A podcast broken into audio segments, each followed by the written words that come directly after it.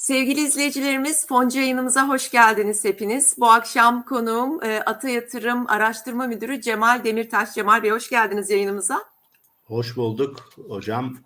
İyi yayınlar diliyorum. Çok teşekkür ediyoruz. Ee, sevgili izleyicilerimiz e, geçtiğimiz haftayı konuşacağız e, ama asıl önemlisi önümüzdeki haftaya bakacağız. Çünkü çok kritik bir hafta.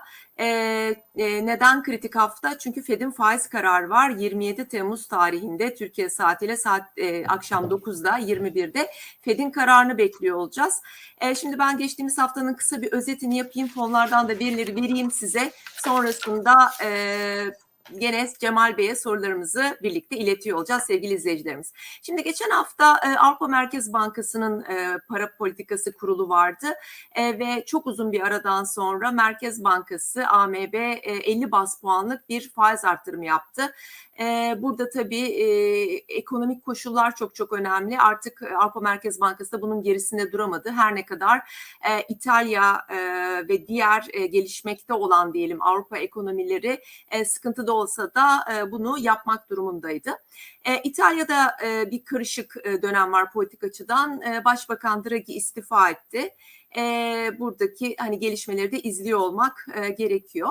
E, bir de Amerika'dan e, birçok teknoloji firmasının e, Microsoft, Apple gibi büyük firmalar da buna dahil küresel ekonomik belirsizlik nedeniyle bu dönemde işe alımlarda bir, e, bir yavaşlamaya gideceklerine dair bir haber geldi. Bu tabii piyasaları e, olumsuz etkiledi. Özellikle teknoloji şirketleri anlamında haftanın ortalarındaydı.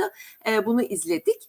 E, Almanya'dan da e, bir e, güzel haber geldi. E, alternatif enerji ile alakalı olarak burada 600 milyar euroluk bir yatırım yapacaklarını 5 yıl içinde iklim e, koruması e, ve yenilenebilir enerjiyle ilgili böyle bir e, Avrupa'dan da böyle bir haber aldık.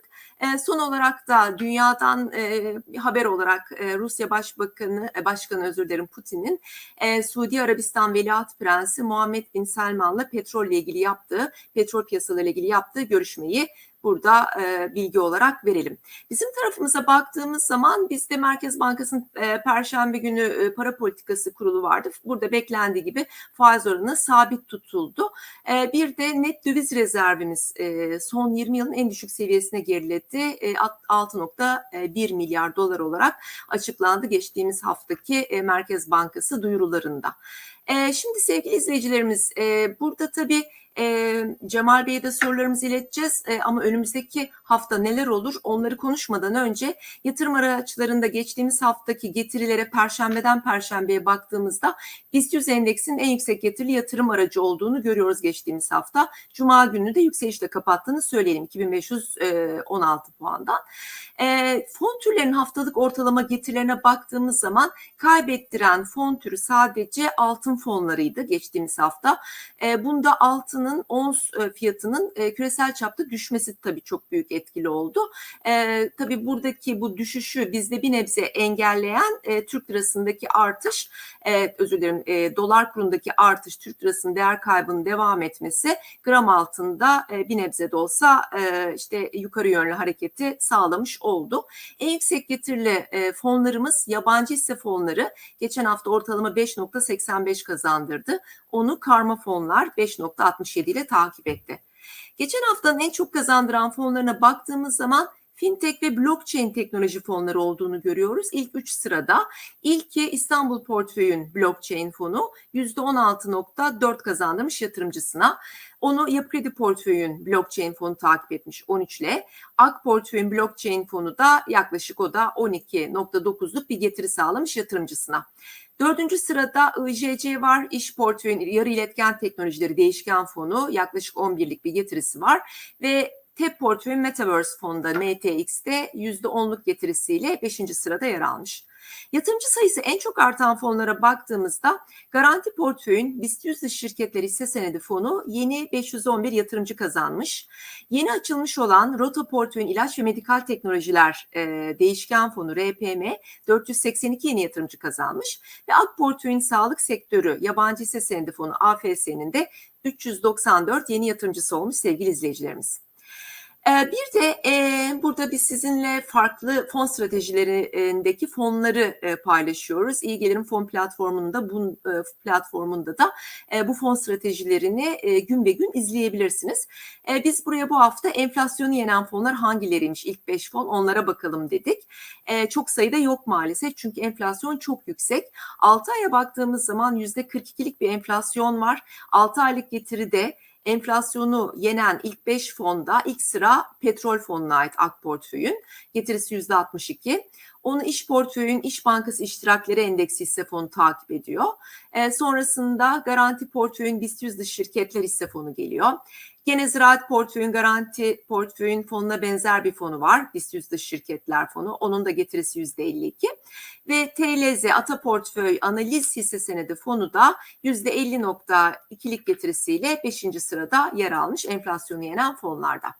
İyi Gelir Fon platformunda favorilere en çok eklenen ilk 5 fona baktığımız zaman geçtiğimiz hafta burada GOH'nin ilk sırada olduğunu görüyoruz. Sonra İş Portföyün Eurobond fonu IPV ikinci sırada, Ziraat Portföyün Altın Katılım fonu üçüncü sırada, İş Portföyün Emtia fonu TGE 4 ve gene İş Portföyün Yenilenebilir Enerji fonu e, bizim platformumuzda favorilere en çok eklenen fonlar olmuş sevgili izleyicilerimiz.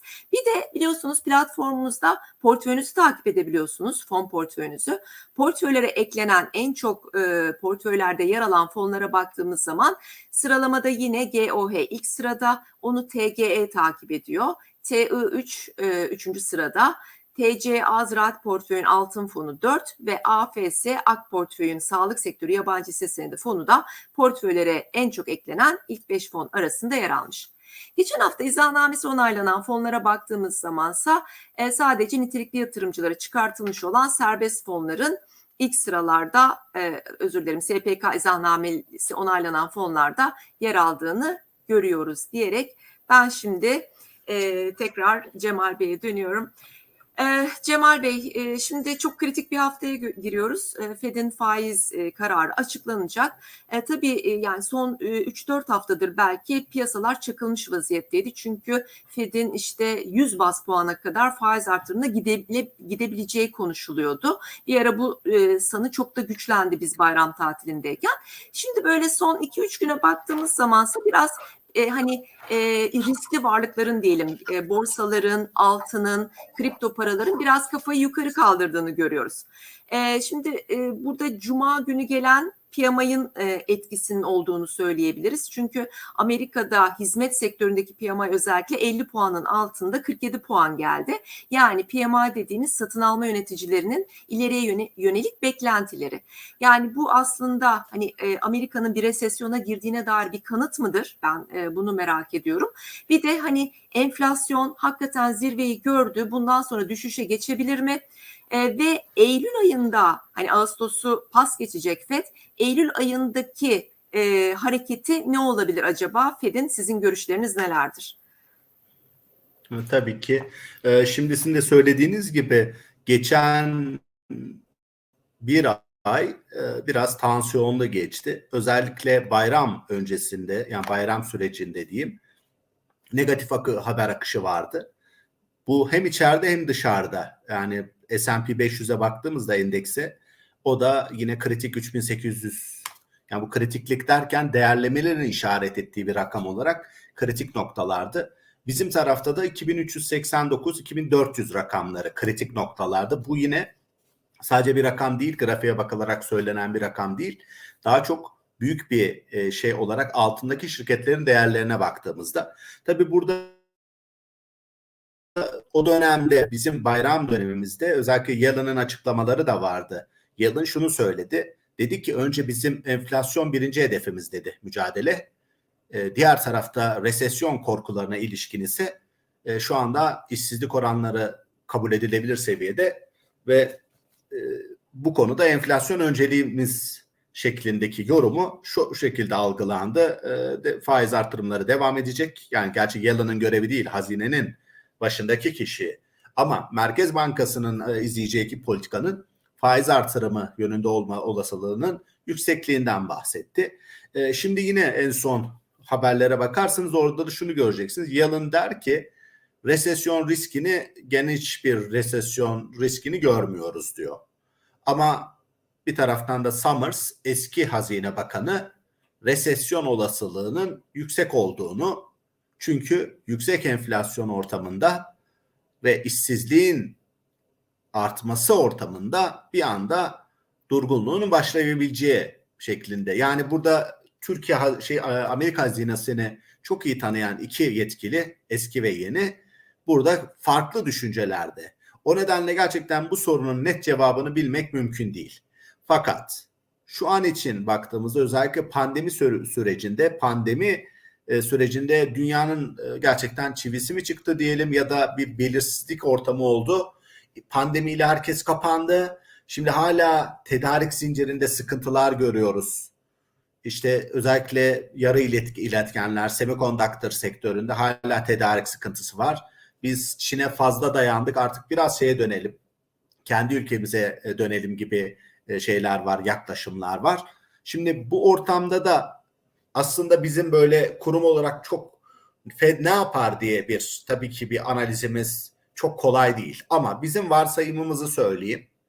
Fed şu anda faiz arttırım sürecine devam edecek ama ölçülü devam edecek. Avrupa'da bir miktar yapıyor. O da ölçülü devam edecekler. İzleyecekler ve yeni data ile birlikte hareket edecekler. Ve burada emtialarda bir dalgalanma gördük. Demir çelikte de bunu gördük. İşte petrolde de gördük. Bu ne demektir? Biraz talep taraflı olacak. Biraz da tedarik tarafıyla birlikte Eylül-Ekim ayları bize bir resimle ilgili fikir verecek. Bu bu arada bizim için de aynı şekilde geçerli. Yani uzun lafın kısası şu anda Rusya-Ukrayna gibi bir olay da var tabii ki sistemik bir risk olarak. Özellikle tahıl konusunda ki Türkiye'nin de içinde olduğu bir anlaşma var. E, ve bu anlaşmayla birlikte e, dünyanın belki %15-20 e, yanlış rakam söylemeyeyim ama tahıl ihracatı bu ülkelerden kazanılıyor ve e, bunun engellerin engellerin önünden çıkılmaya çalışılıyor. İşte Rusya, Mısır'ı vesaire diğer ülkeleri ziyaret etmeye başladı. Yani orada acaba bir normalleşme olacak mı? Normalleşme geniş çapta beklemiyoruz. Yani Fed'i ölçülü takip etmesini bekliyoruz. Avrupa'nın ölçülü gitmesini takip ediyoruz. Fakat burada Avrupa özellikle Rusya'daki politikalara çok bağlı. O yüzden paritedeki hareketleri de biraz güvensizlik şeyi olarak algılıyorum ben. Yani onun yorumunu yapmak çok zor ama euro dolar paritesi 1.02'ler genelde biraz daha böyle gerçekten geçmişte kötü göz zamanlarda gördüğümüz durumlar. Ha, bunun Türkiye açısından yansıması biz 1.05 pariteyi gördü euro dolar paritesi rahatsız oluruz genelde ihracatçılarımız açısından 1.15'ler üzerine çıktıkça da iyi algılarız. Şimdi geri dönüyorum şey tarafına sorunuzun Fed'in e, tarafıyla ilgili olarak zaman zaman yine biraz önce söylediğiniz biz tedirginlik dönemi oradaki politikaların belirsizliğiyle ilgiliydi. Şimdi burada yine bir faiz arttırımı 75 bas puanlık bekliyoruz. Buradaki sözler belirleyici olacak. Amerika'daki ama değerlemeler belli noktalarda bu arada. Yani çok böyle depresif hisselerde değil. O yüzden orada bir miktar şey var, tolerans var ama buradaki olay Avrupa özelinde. Yani Avrupa'daki politikalar önemli olacak. Çünkü Rusya Ukrayna ciddi bir şekilde bir Avrupa ekonomisini etkiliyor ve kışa ne yapacağız acaba soru işaretleri var. Hiç yabana atılır bir durum değil. Toparlayacak olursam FED ölçülü hareket etmek durumunda. Çünkü Rusya'yı sıkıştırmak isterken diyelim değil mi? Batı'nın Rusya'ya karşı aldığı tedbirlerde bir anda Avrupa kendi sıkışmış duruma düşebilir. Şu anda da o riskle karşı karşıyayız. O nedenle de dünyanın genel işleyişini çok fazla bozmadan hafif destekleyici ama enflasyonu da kışkırtmadan dengeli bir süreç içerisinde gitmesi gerekiyor. Eksenine oturtuyoruz. Bu eksen etrafında da Türkiye'yi nereye koşullarız derseniz e, belki onu ilerleyen dakikalarda da konuşuruz. Burada da bizim için noktada biz başka bir politika izliyoruz. Geçen hafta e, faizle ilgili e, politika zaten artık bir e, etkisizleşti aslında Merkez Bankası'nın aldığı kararlar. Çünkü beklenen değiştirmemesi şeklinde. E, bu da TL'nin değer kaybetme sürecinin devam etmesine sebep oluyor. Bunu ne çevirebilir? Çünkü basit bir matematiği var. Türk lirası neden değer kaybeder? Bir şekilde enflasyon beklentilerine göre daha düşük faiz varsa para kaybı olacaktır. O kadar da aşağı gidecektir. Ha, Türkiye'nin şu anda parası reel efektif kurun o 53'lerde olduğunu, tarihi düşük seviyelere çok yakın olduğunu düşünürsek aslında biz yavaş yavaş da olsa TL'nin değer kaybı hikayesi üzerine gitmek durumundayız ki gerçekten de şu anda Türkiye Türk lirası çok çok kötü noktalarda. Yani bunun yükselebilir mi ya da TL güven kazanır mı ki aslında enflasyon da ona bağlı. Orada da açıkçası akla gelen tek şey faizle ilgili bir reaksiyon alınmayacaksa Türkiye'ye balk bir şekilde bir para girişi olması lazım. E, bu da güvenle birlikte olacaktır ya da Rusya politikalarında, Orta Doğu politikalarında önemli gelişmeler olması lazım ki Türkiye'nin pazarlık gücü artıyor olsun. Bir de tabii ki önümüzdeki yıl seçimler var. Bu süreç içerisinde nasıl bir denge izlenecek ama gerçekten de vaka çalışması gibi bir dönemdeyiz. Biz ama burada şunu söyleyelim. Türkiye'nin asıl kendiyle ilgili problemleri ön planda.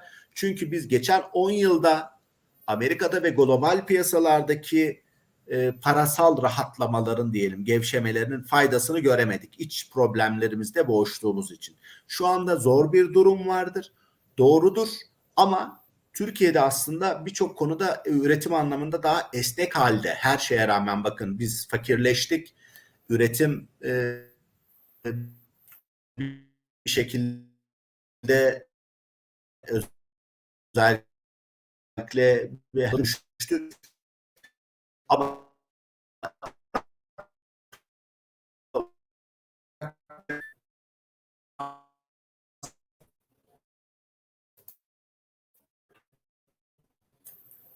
Evet, Cemal Bey zannediyorum benim mi e, benim oldu. mi bağlantım gitti? Ha, Benden mi Hayır, oldu? Ha, ba- benim bağlantımda mı? Son evet son söylediğiniz 2-3 cümleyi duyamadık. Bir daha alabilirsek. Ee, Şimdi bizim işte bu ortam içerisinde e, yani Türkiye açısından dü- düşündüğümüzde bir vaka çalışması gibi bir durumla karşı karşıyayız. Yani burada birçok şeyi yaşıyoruz. Faiz kararları alındı. Bunların sonucunda şeylerle TL'nin değer kaybıyla karşı karşıya kaldık ve bunun dönüşü için ciddi bir para girişi e, olması gerekir. Bunu destekleyecek ne olabilir dersek işte Rusya ya da Suriye'de olağanüstü Türkiye lehine gelişmeler olması lazım. Ya da işte seçim e, süreci seçimlerle birlikte bu yönde bir e, durum olacaktır. Ama bunun öncesinde biz de kışı nasıl geçireceğiz o da önemli olacaktır. Eğer Rusya Ukrayna e, bir şekilde anlaşırlarsa ki şey anlamında anlaşmadan bahsediyorum kısa vadeli kışa girmeden önce e, yumuşama diyelim ya da vakit kazanma e, bu durumlarda biz daha etkileniriz ve yani TL açısından düşündüğümüzde de, de biz gerçekten çok düşük seviyelerdeyiz. Bunu da söyleyeyim. Yani düşük seviyelerdeyiz. Buradan daha fazla düşer miyiz? Yani dengeli bir şekilde e, değer kaybetmeye devam ederiz. Ama bizim enflasyonumuzun düşmesi için kesinlikle TL'nin bir miktar toparlanması lazım. Yoksa enflasyon sadece hız keser. Yani o da e, gelişmelerle birlikte, iyi gelişmelerle birlikte olabilir. Peki ben e, bizim borsayı sormak istiyorum aslında sizin uzmanlık alanınız. İshak Levent Özbeyoğlu'nun da sorusu FED toplantısı sonrasında diyor bizim borsamızdan beklentiniz nedir? Bu se- bu hafta hisse senedi fonlarına girmek mantıklı mı diye sormuş İshak Levent Bey. Şöyle e, FED tarafındaki durum tek bir kriter tabii ki olamıyor. Ama oradaki mesajlar tabii ki bizi etkiliyor. Burada şöyle söyleyeyim, e, bayram öncesinde de çok negatif tarafta gittiği için bu hafta sizin tablonuzda da vardı %5.4'lük bir artış söz konusu. Ve biz bu hafta itibariyle pazartesi itibariyle e, kar rakamlarını, beklentilerimizi paylaşıyor olacağız. E, herhalde 26'sı 27'si TAV ve Arçelik'le birlikte de rakamlar gelmeye başlayacak. Genelde şirket karları Arçelik'in çok iyi değil ama bankacılık ya da işte TAV gibi havacılık şirketleri buralar daha iyi yönde gelecek. O nedenle de biz biraz hareketlenme ve mevcut olumlu trendin biraz olsun başlayan o 2400 endeks seviyelerinin altından böyle toparlanıp gitme hareketinin özellikle şirket odaklı kar sezonu olması sebebiyle yukarı yöne olmalı olasılığını daha yüksek görüyoruz. Yeter ki işte FED tarafında şok bir negatiflik. Çünkü şu an için şok bir negatiflik beklemiyoruz makul bir faiz artırımı ve e, söylem bekliyoruz. Datayla ilerleyeceğiz beklentisi var. O nedenle geçen haftalarda da negatif yaşadığımızı düşünürsek şu anda biraz e, yine seçici olarak geride kalmış hisselerde yatırım yapılacak bir durumda olduğunu söyleyebiliriz. Evet. Ee, Ben e, diğer sorumuza geçmeden önce sevgili izleyicilerimiz e, programımızı e, lütfen beğendiyseniz beğen butonuna tıklayın. Böylelikle biz daha çok kişiye ulaşabilelim ve programımızı izletebilelim. Çok teşekkür ediyoruz şimdiden. Ben şimdi buradan bir aslında gene Covid konusuna geçmek istiyorum. Gökhan ikinci e, çünkü e, burada bir yorum yapmış diyor ki Dünya Sağlık Örgütü maymun çiçeği için acil durum ilan etti. Ayrıca Covid'in yeni varyantlarının aşıya dirençli olduğu da söyleniyor. Piyasa bunu fiyatlıyor mu diyor. Yani piyasa hep FED'e odaklandı. FED fiyatlıyor bunu biliyoruz ama piyasada Covid fiyatlaması da var mı? Eğer kapanmalar başlarsa piyasaların tepkisi ne olur diye sormuş Gökhan Bey. Şu anda kapanmaları fiyatlamıyor ya da Covid ile ilgili riskleri fiyatlamıyor. Hafiften işte cuma günü havacılık sektörlerinde biraz gerileme vardı. Burada böyle zaman zaman gündeme geliyor. Haberlere daha çok çıkmaya başladı kapamalar. Ee, ve açıkçası biz şu durumda kapatma beklemiyoruz. Yani bunu be- söyleriyor söylerken de ne kadar bilimsel olabiliriz? Ha hiçbir şekilde bilimsel olamayız. Bunu tabii ki Sağlık Bakanlığı ya da Dünya Sağlık Örgütü daha iyi bilecektir. Fakat mantık olarak düşündüğümüzde tabii ki çok aşmadığı sürece, e, kontrolden çıkmadığı sürece ki biz bu korkuları daha önce yaşadık. Bu korkuları yaşadığımız için de e, burada adaptasyon durumunu görüyoruz, aşının bulunduğunu görüyoruz. Bütün bunları hesaba kattığımızda e, şey beklemiyoruz ama kapanmaları duyarsak şunu göre duyuyoruz mesela maske takılmaya başlanıyor işte belli ülkelerde bunları duyuyoruz. Bunlar normal normal hayatı ama kapanmalar piyasa için bir şok etkisi yaratır. Bunun olasılığını kaç görüyorsunuz derseniz ki yani yüzde on diyebilirim. Yani bu benim şahsi görüşüm yoksa matematiksel bir şey yok. Sadece bu olasılığın yani kapanma dediğimiz zaman e, ciddi bir kapanma olarak şey yapıyorum ama ufaktan bile işte geçmiş dönemde olduğu gibi işte iki gün kapansın şu olsun gibi durumlar e, bizim için negatif olur. İşte o noktaya gelmesi çünkü adaptasyon sürecini geçtik. Yani penetrasyon önemliydi biliyorsunuz. çok tam pandeminin başında yani Merkel'in bir söylediği şey vardı unutmam hiç dedi ki bu iş iki yıl alabilir ve yüzde 65 nüfusun bunu e, adapte olana kadar e, bünyeler bu devam edecek dedi ve gerçekten de o kadar süre aldı. Şu anda çok bilmedik bir şey yoksa e, beklemeyiz. E, çok büyük bir risk olarak şu an için görmüyoruz. Evet. Peki şimdi bu seçim konusundan bahsettiniz az evvel. Önümüzde seçim olduğunu biliyoruz. 11 ay kadar var. Belki öncesinde de olabilir tabii. Bu da ihtimaller dahilinde. Metin Bey, biz de seçim hareketini ne zaman görmeye başlarız diyor. Yani 11 ay sonra olacaksa eğer bunu ne zaman görmeye başlarız? Siz zannediyorum bir 4000 endeks hedefi vermişsiniz. Bunda geçerli olup olmadığını sorar Metin Bey. Tabii ki şimdi bizim en son e, raporumuzdaki hedefimiz 4400 12 aylık hedef. Ya bundan 2-3 ay önce e, yaptığımız. Şimdi tabii e, salı günü, çarşamba günü bir yine bir en geç salı günü de olabilir. Bir rapor yayınlayacağız. Orada da hedef fiyatlarımızı gözden geçirip e, sonra yeni hedef belirleyeceğiz. Ama bu hedefin şu anda bu nominal bir hedef olarak düşündüğümüzde çok çok aşağı gelmesi gibi ya da aşağı gelmesi gibi beklentim yok şu ana kadar ki hesaplarımızda. Bazı şirketlerin hedef fiyatları aşağı gelecek, bazılarının yukarı gidecek. Ama 4000 endeks hedefleri e, halen makul. Şimdi vade hep şöyle 3 ayda bir değerlendirmeler yapıyoruz en geç ve mesela bu iki gün sonra açıklayacağımız hedef diyelim 4000. Bunu önümüzdeki yılın Haziran'ı gibi düşünebilirsiniz. Genel bu teorik bir hedef onu söyleyeyim.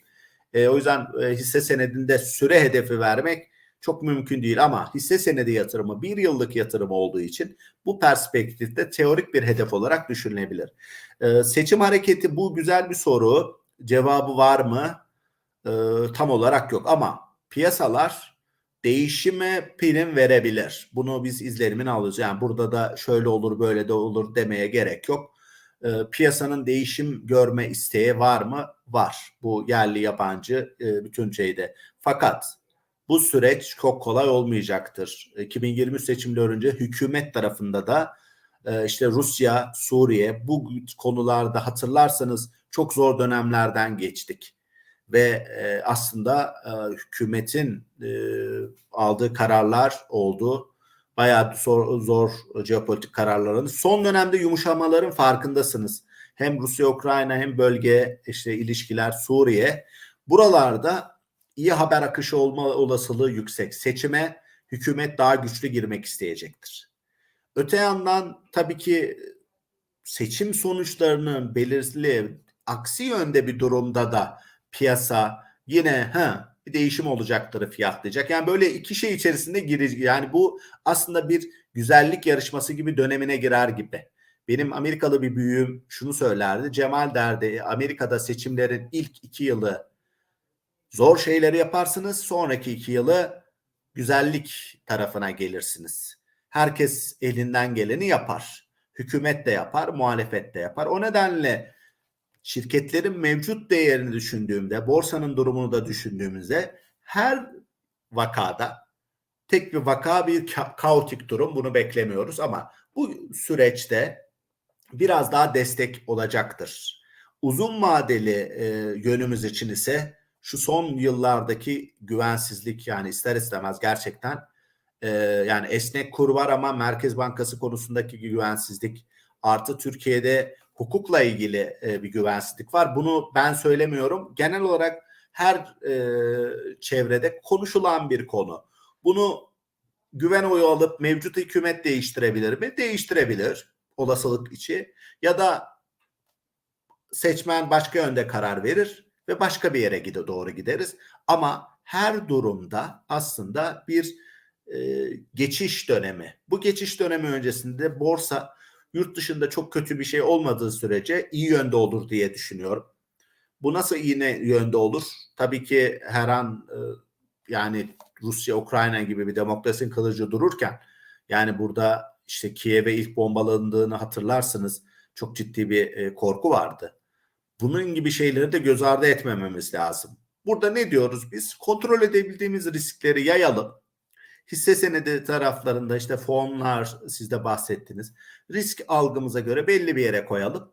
Ama geçen 10 yılı da düşünürsek ve en son işte haber akışlarının negatifleri de düşünürsek şu anda seçici olarak hisse senedi portföy oluştu şey, şey yapanların, oluşturanların e, seçime kadar olan süreçte tabii ki haber akışı değişikliğiydi etkileyecektir. E, genel olarak bu hissede iyi hisselerde, temeli kuvvetli hisselerde, enflasyona göre kendini koruyan hisselerde kalmasında sakınca görmüyorum.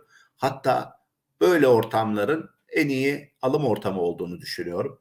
Tabii bunu bile, bilirken hep dalga riskine olup işte günlük hareketlerin olabileceği riskleri düşünmek gerektiğini ve bunu da her zaman hesaba katmaya ihtiyacın olduğunu bilerek ifade ediyorum. E, negatif haberlerden artık sıkıldık gerçekten. Bunu da söyleyeyim ki ben her zaman negatif haberlerden pozitif bir şey bulma yeteneğim var diye görüyorum. Yani öyle söyleyeyim. Canınız sıkılırsa beni arayıp Cemal iyi bir şey var mı diye evet, telefon jokerinizi benimle kullanabilirsiniz. Ama ben bile şu bayram öncesindeki süreçte gerçekten zorlandım. Ee, şimdi biraz rahatlıyoruz. Biraz daha şey yapıyoruz. Bir de en çok güvendiğimiz konu esnek kurla birlikte ki ben bunu hep söylüyorum. Biz e, bir yılda yaşadığımız işte 94 krizi 2001 krizinden farklı olarak zamana yayılarak yaşadık ve yaşadık bu durumları. E, burada artık bir güveni sağlama yönünde her yerden çaba olacağını göreceğiz. Ha buna inanır mı e, işte seçmen ya da yatırımcı? Bunu zaman göstereceğiz. E, burada e, şey söyleyeyim. Uzun vadeli bakanlar kesinlikle seçim sonucuna bakıyor olacaklar. Ondan sonra hareket edecekler. Kısa vadeli bakanlar ise Rusya'da Türkiye'nin hareketleriyle Türkiye'ye nasıl bir fon girişi olabilir? İşte turizm nasıl gider? Yani kısa vadeli mevcut düzen içerisindeki dinamiklere bakarak hareket e, edecekler. E, yerli yatırımcı da yine bakarken seçici olmaya devam edecek.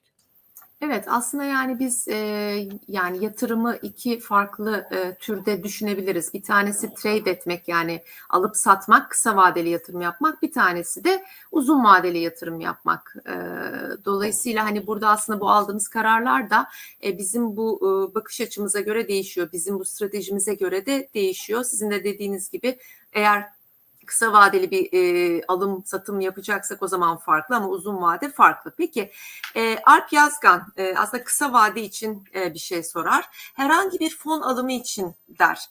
E, tabii burada işte bu fonun içinde hisse senetleri olabilir, yabancı hisseler olabilir, Eurobond olabilir, altın olabilir. Herhangi bir fon alımı için FED kararlarını mı beklemeliyiz dediği zaman bu biraz daha kısa vadeli bir e, yatırım tarzını bana çağrıştırıyor. Siz ne dersiniz? Bu izleyicimize nasıl cevap verelim? Tabii çok e, kısa vadeli bakış açısı yani herhangi bir fon a- alımı. Ya burada şöyle söyleyeyim negatif sürpriz bekliyor muyuz? Fed'den negatif bir sürpriz beklemiyorsak ki biz beklemiyoruz şu anda. Ortamı daha gelecek bir şey bekliyor muyuz? Beklemiyoruz. Çünkü daha önce yeterince gerildi. O yüzden bugün almak e, Fed'den sonra almaya göre daha mantıklı geliyor bana.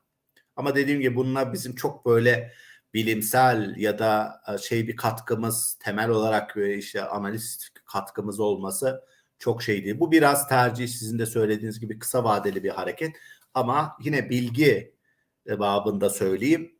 Eğer biz şu anda sürpriz beklemiyorsak ki beklemiyoruz 75 bas puanlık ve bundan sonra açıklamalarında ortamı daha germe yönünde olmayacağını düşünerek baktığımızda şimdi alım yapmak daha uygun geliyor.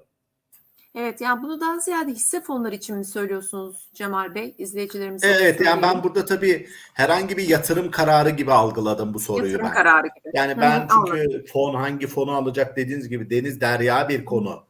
Fakat dışsal bir faktör olarak Fed kararı sistemi nasıl etkiler dediğimiz zaman ne oluyor? Global bir ka- çalkantı elinizdeki hangi pozisyon aldığınıza göre de e, değişebilir dediğiniz gibi.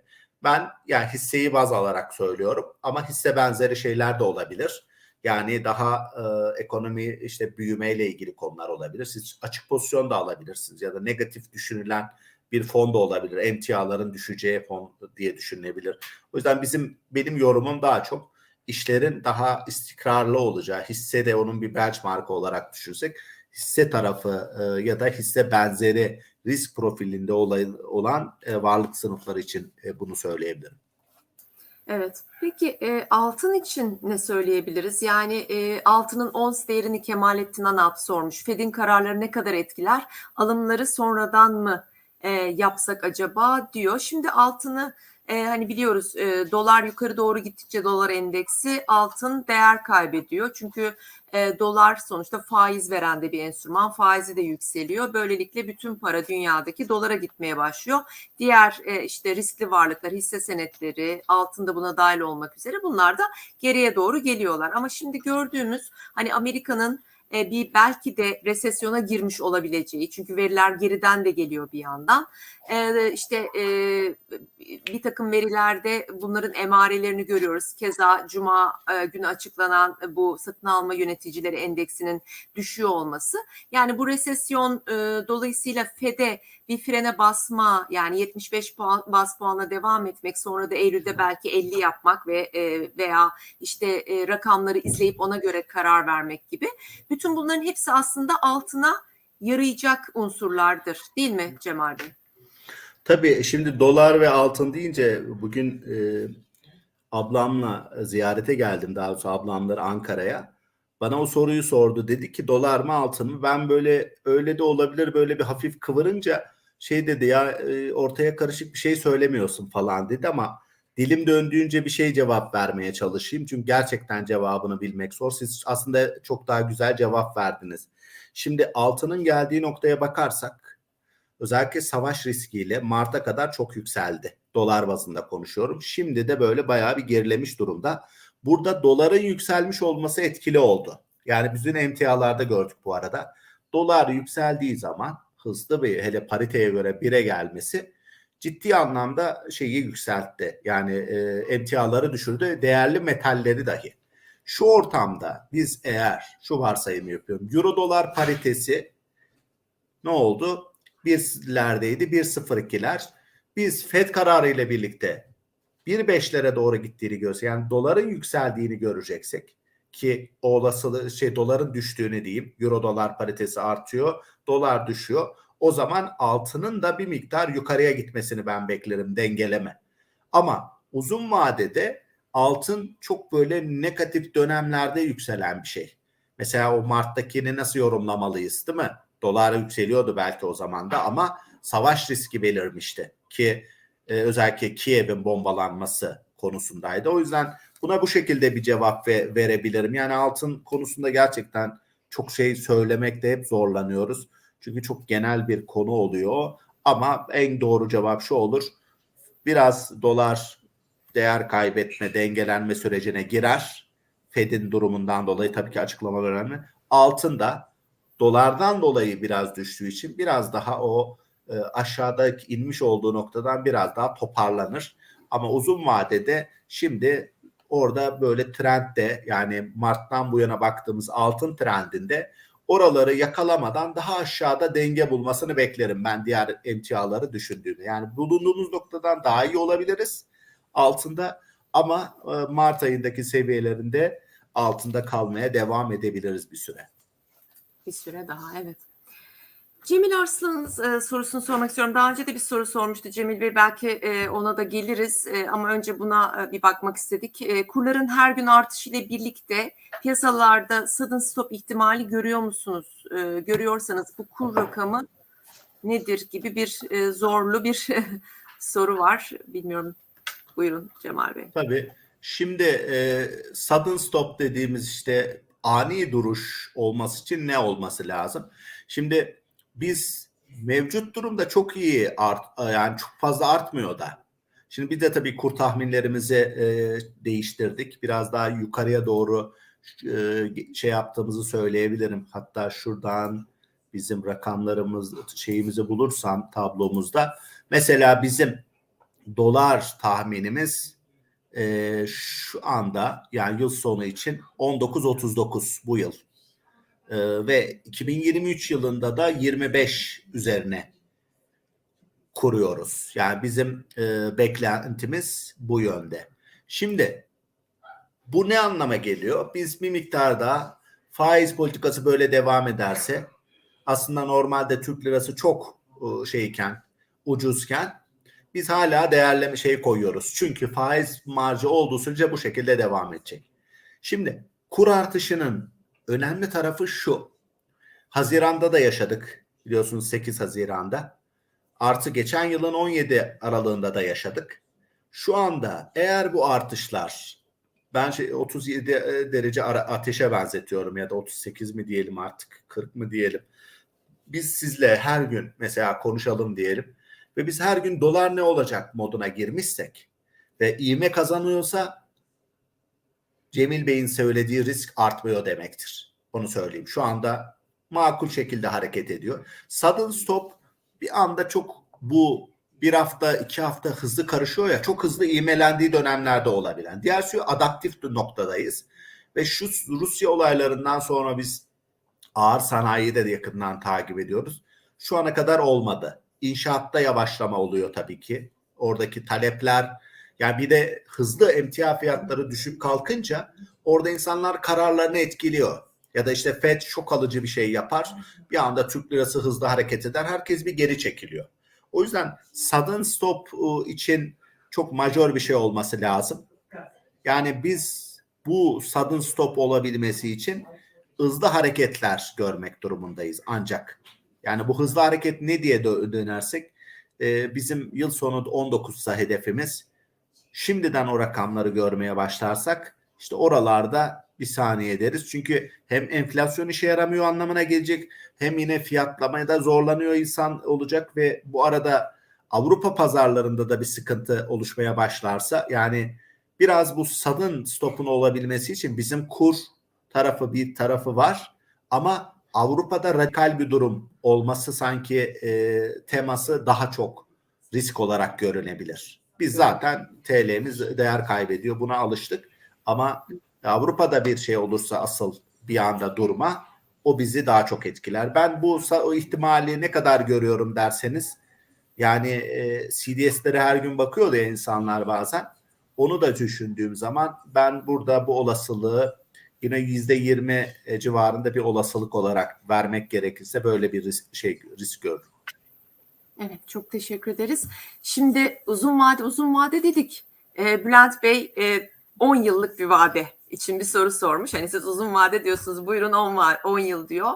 Ee, gelecek 10 yılın parlamasını beklediğiniz 4 sektörünü sormuş Bülent Bey. Bir de fonlarla ilgili bir sorusu var. Onu da e, siz bunu yanıtladıktan sonra ben yanıtlamaya çalışayım Cemal Bey. Tabii e, şimdi şunu söyleyebiliriz. Tabii dünyadaki sektörler değil mi var. Bir de bizim Türkiye özelinde. Şimdi bizim genç nüfusu olduğumuz için ben her zaman perakende ve tüketim bu tarafı şey görürüm. Yani tüketim tarafını önemli görüyorum ve genç nüfus olduğunu gördüğünü perakende tarafını ben Türkiye için şeye koyarım. Hala tepeye koyarım. Yani önemli şey. İkincisi tarım ve tarım tarafındaki sektör. Tabii bunlar çok genel konu gerçekten sektör. Yani parlamentoda tarım tarafında akıllı tarım bu tarafı. Üçüncüsü daha çok renewable enerji dediğimiz yani yenilebilir enerji, yenilenebilir enerji e, durumu.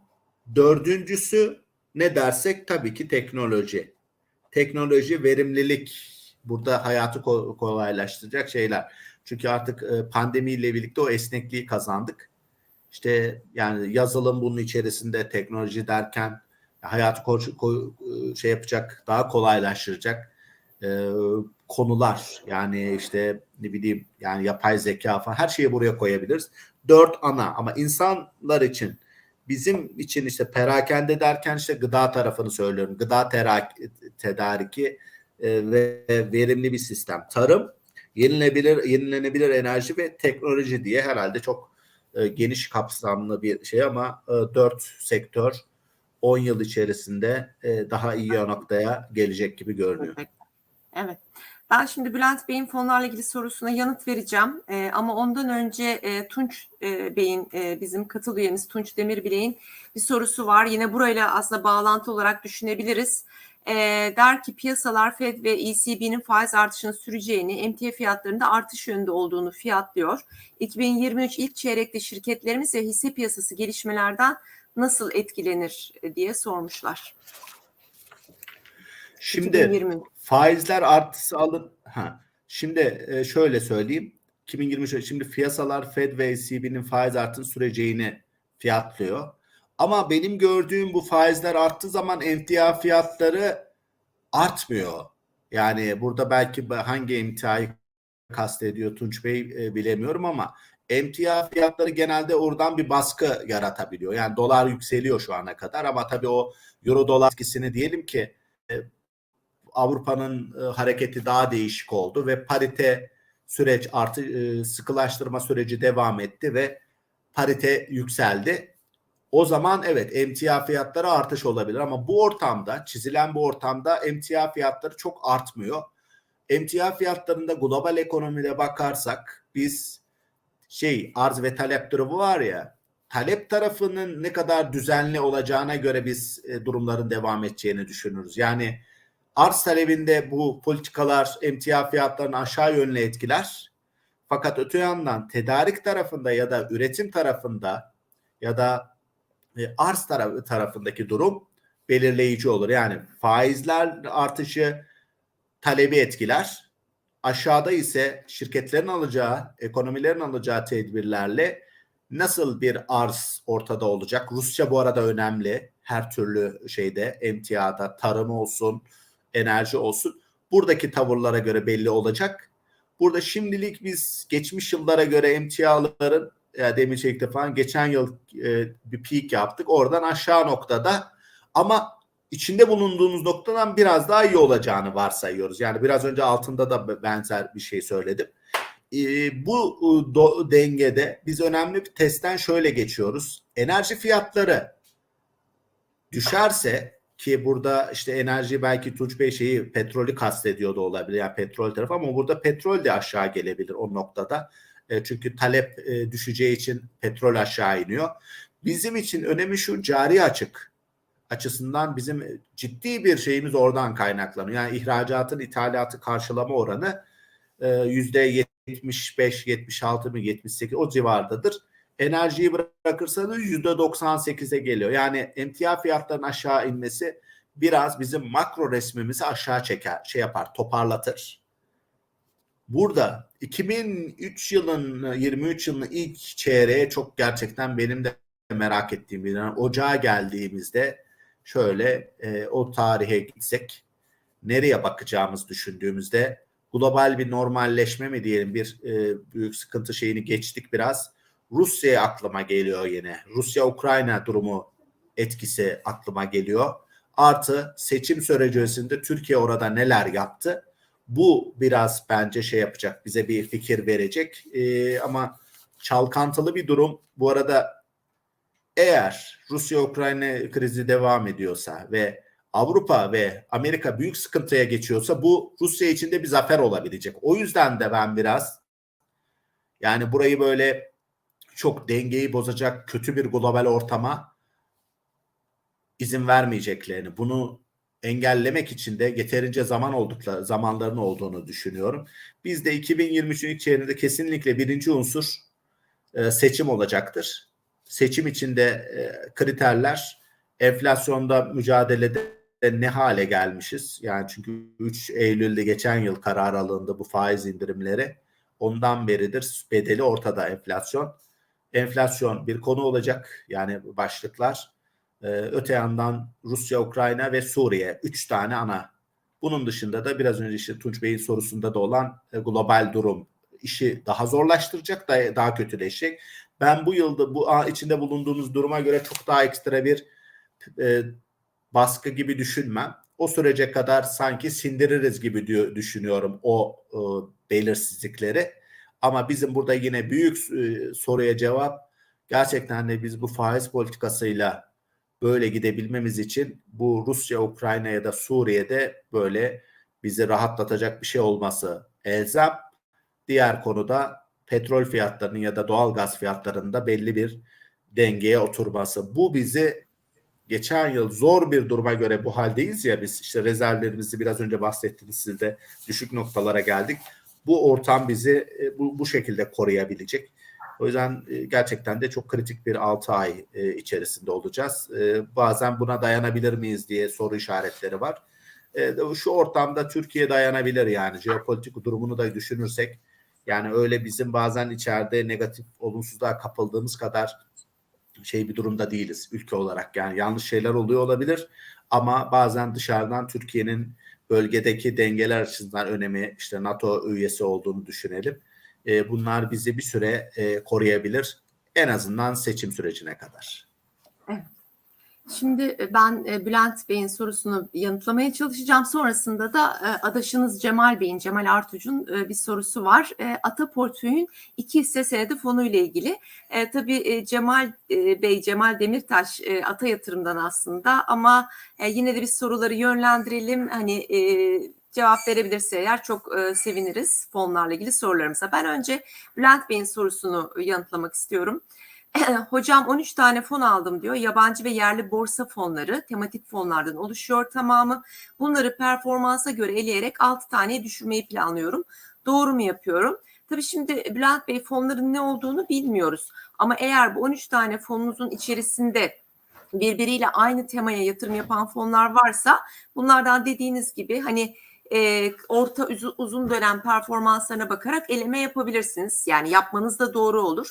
Mesela iki tane e, işte elektrikli araçlar fonu olması e, bir portföyde çok da anlamlı olmayabilir. Fakat yine de hani elerken e, fonun kaptan girip işte portföy dağılım raporuna bakarsanız son portföy dağılım raporuna belki de içlerinde tuttukları hisse senetleri e, anlamında çok farklılaşıyor da olabilirler.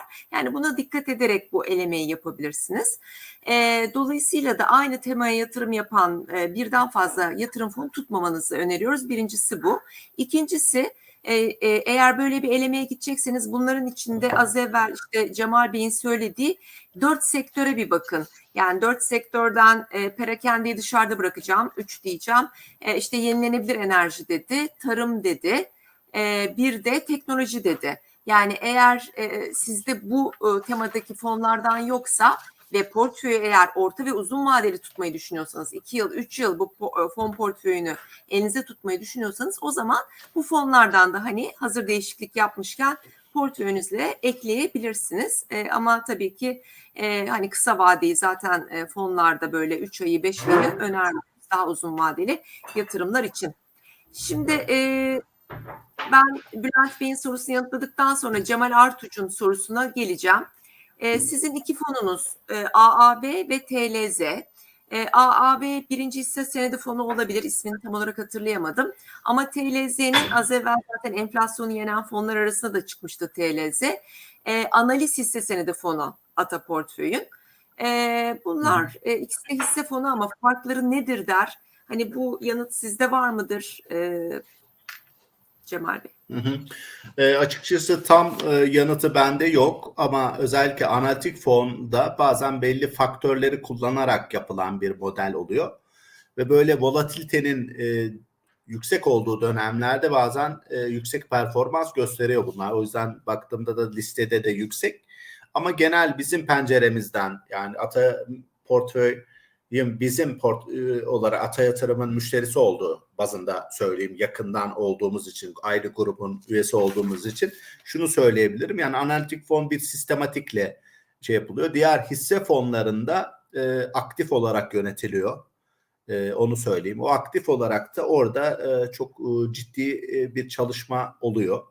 Genelde bizim baz aldığımız hisselerden her zaman çok iyi faydalanıyorlar. Efektif olarak kullanıyorlar. Ama tabii ki kendi kriterlerini başka seçimler yapıyorlar. Ama bu ikisi arasındaki çok büyük fark konusunda elimde güncel bir bilgi yok açıkçası. Peki çok teşekkür ederiz yine de ama e, biz de e, şunu söyleyebiliriz izleyicimize. E, Cemal Bey bizim aslında e, Mehmet Bey'le, Mehmet Gerz'le yaptığımız e, fon sohbetleri programımız var. E, eğer bunu izlerseniz orada bayağı detaylı anlatmıştı Mehmet Bey. Bu programdan öğrenebilirsiniz. E, şimdi ben son iki soruya geçeceğim. E, saat de epey olmuş e, Cemal Bey.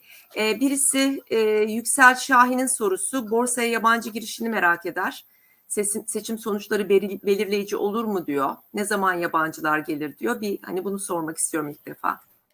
Tabii yabancı yatırımcı payı %33'lere inmiş durumda ama ben şunu söyleyeyim zaten bir süredir en düşük seviyelerde. Yani böyle ekstra böyle balk şeklinde bir çıkış değil zaten çıkılmış ve e, bayağı düşük seviyelere gelmiş durumda. Şimdi bir profil Diyor ki seçimlerdeki durumlara göre bir girebiliriz diye bakanlar var ya da seçim sonuçları belli olmaya başladıkça biraz belirsizlik ortadan kalkar ya e, ya seçim olacak ama sonucu şu şekilde olacağı ağırlığı arttığı noktada e, kesinlikle e, hisselere bir girim giriş olacak. Bunun zamanını kestirmek zor ama genel hafızasını düşündüğümüzde piyasa biz Aralık Ocak mesela önemli olacak. Çünkü Ocak'ta yeniden portföy girişleri de olur. Ocak ayı bize bir fikir verecek. Dediğim gibi burada seçim sonuçları önemli olacak net bir şekilde. Ve seçim son, sonuçları öncesindeki hareketler de biliyorsunuz seçim sonuçlarını etkileyecek. Yani burada şurası kazanırsa olur, şu şurası o, e, kazanırsa olmaz dediğinizde şöyle biraz dışarıya baktığınızda mevcut ekonomiden memnuniyetsizlik var Ayrıca işte hukukla ilgili e, vesaire işte Avrupa ile ilgili gelişmeler konusunda hep negatif bir şeylik var. Yeni bir değişiklik iyi gelebilir şeyi var. Bunu yani söylememek olmaz. Ama bir taraftan da özellikle Türkiye'nin genel bölgedeki dinamiklerini düşünenler Rusya-Ukrayna konusunda barışı sağlamış bir Türkiye düşünün. Türkiye'ye para girişini düşünün bu sebepten belki batıdan para gelmeyecek ama başka bölgelerden para akışı olabilir. Cari açık e, e, endişelerin ortadan kalkmaya başladığını düşün. Bir de en önemlisi seçim kaybında en büyük etkisi olacak Suriye'de önemli gelişmeler olduğunu düşün. Bunlar hepsi olasılığı yani yüzde elliden fazla değil tabii ki. Bu durumlarda da bir şey olacaktır. Yani e, bir kararla ilgili bir şey fikirler oluşacak. Ama soruya şöyle sadece direkt cevap mı şey olursam yabancı kısa vadeli girişler her an olabiliyor. Öyle söyleyeyim.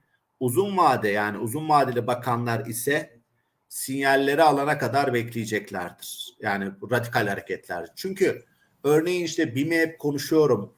Öyle bir şirketi şu anda da alabilirler. Ama bakışlarının bence genelde çünkü Türkiye'ye para soktuğunuz zaman 5-10 milyondan bahsetmiyorum. Bir şirket koyduğu zaman 50 milyon, 100 milyon koyuyor ve bunu koyarken böyle bir günde alamıyorsunuz zaten. Öyle günleri de yaşadık geçmişte. 10 gün, 20 günce alsat alsat şeklinde ve hissettirmeden al- alıyorsunuz.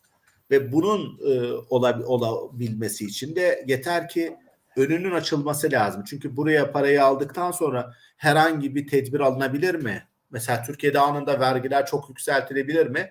Bunlardan emin olmak istiyoruz. Ve o kesim çok yoruldu. Özellikle işte Naci Abal'ın görevden alınması diyelim işte Hazine Bakanı'nın istifası e, Instagram üzerinden bu süreçlerde çok yoruldular. Yani bütün yatırımcı profili. E, o nedenle de şu anda somut şeyler görmeye başlayacaklar. Bu somut e, şey gelişmeleri de iyi diyorum ya iki yönde de olacaktır bu unutmayalım. Bir yönde seçim şey olacaksa değişime işaret edecekse bunu alabilirler. Öte yandan da öyle radikal şeyler olur ki yani çünkü 3 yıldır, 5 yıldır, 10 yıldır geriliyoruz. Son dönemde böyle gelişmeler olabilir ki cari açık matematiğe bakarsak cari açık korkusu azalmaya başladığı anda hareket olur. Ama seçim kesinlikle ve kesinlikle önemli bir unsur olacak. Evet, son sorumuzu da Umut Bey'den soracağım. Umut Bitkin, bizim aslında klasik sorularımızdan e, e, konuklarımıza hep böyle sonunda portföylerde e, ki aslında varlık dağılımlarını soruyoruz. Umut Bey de günümüz koşulunda diyor portföyümüzde yüz- yüzde kaç dolar bazlı varlıklar, yüzde kaç TL bazlı varlıklar bulundurmalıyız. Tabii Umut Bey şöyle yapalım. Bir hani riski sevmeyenler için diyelim bir de riski sevenler, agresifler için, yüksek getiri beklentisi olanlar için iki farklı e, şey ne olabilir varlık dağılımı dolar ve TL bazlı düşünürsek siz ne dersiniz Cemal Bey? Şimdi eğer seçim öncesinde şey yapıyorsak tabii bu dolar bazlı ve TL bazlı diye düşündüğümüzde ben kendi uzmanlık alanımıza göre de söylüyorum. Bunun içerisinde hisseyi mesela dolar bazlı hisse dediğimiz zaman nasıl bir dolar bazlı hisse yabancı hisse alabiliyorlar mı? Ya da işte TL deyince TL bazlı hisse alabiliyorlar mı? Bu Evet. iki denge içerisinde ben ikisinde olabilir. Bir kere hisse kesinlikle olmalı diyor düşünüyorum.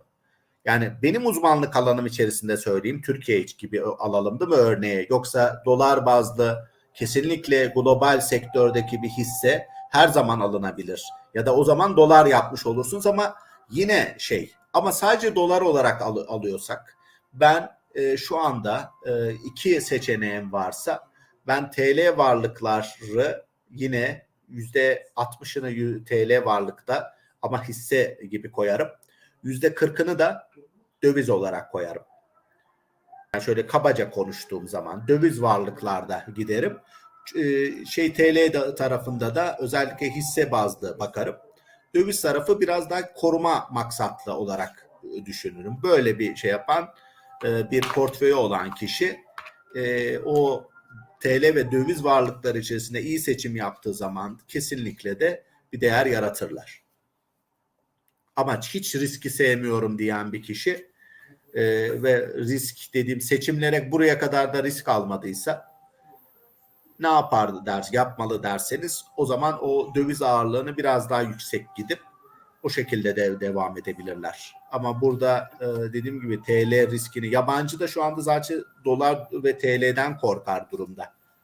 Yani e, en büyük sıkıntı o. O yüzden böyle bu soruya biraz TL ve hisse bazlı da cevap vermeye çalıştım. Yani biz orada uzmanlık alanımız ve bildiğimiz için orada o cesareti gösterebiliyoruz. Ama normal hiçbir şey bilmesem TL varlıktan korkabilirdim. Değil mi? Çünkü dinamik etkilerine ne diye bakardık. O yüzden bizim bu TL tarafında biraz daha rahat etmemizin sebebi biraz daha bu ıı, bakış açımızına sahip olmamız. Cemal Bey e, çok teşekkür ediyoruz sorularımızı yanıtladınız. Sağ olun. Ee, inşallah güzel bir hafta olur. İzleyicilerimiz e, önümüzdeki hafta pazar günü ben müsaade istiyorum. Çünkü o akşam izin için yola çıkacağım. Yayınımızı yapamayacağız maalesef. Ama ondan sonra Ağustos ayında tekrar ilk haftadan itibaren sizlerle ve konuklarımızla birlikteyiz. Ee, hepinize bol kazançlı güzel bir hafta dilerim. Görüşmek üzere Cemal Bey. Teşekkür ederim. Size iyi günler diliyorum. İyi bir hafta diliyorum hep birlikte. Sağ olun. Sağ olun.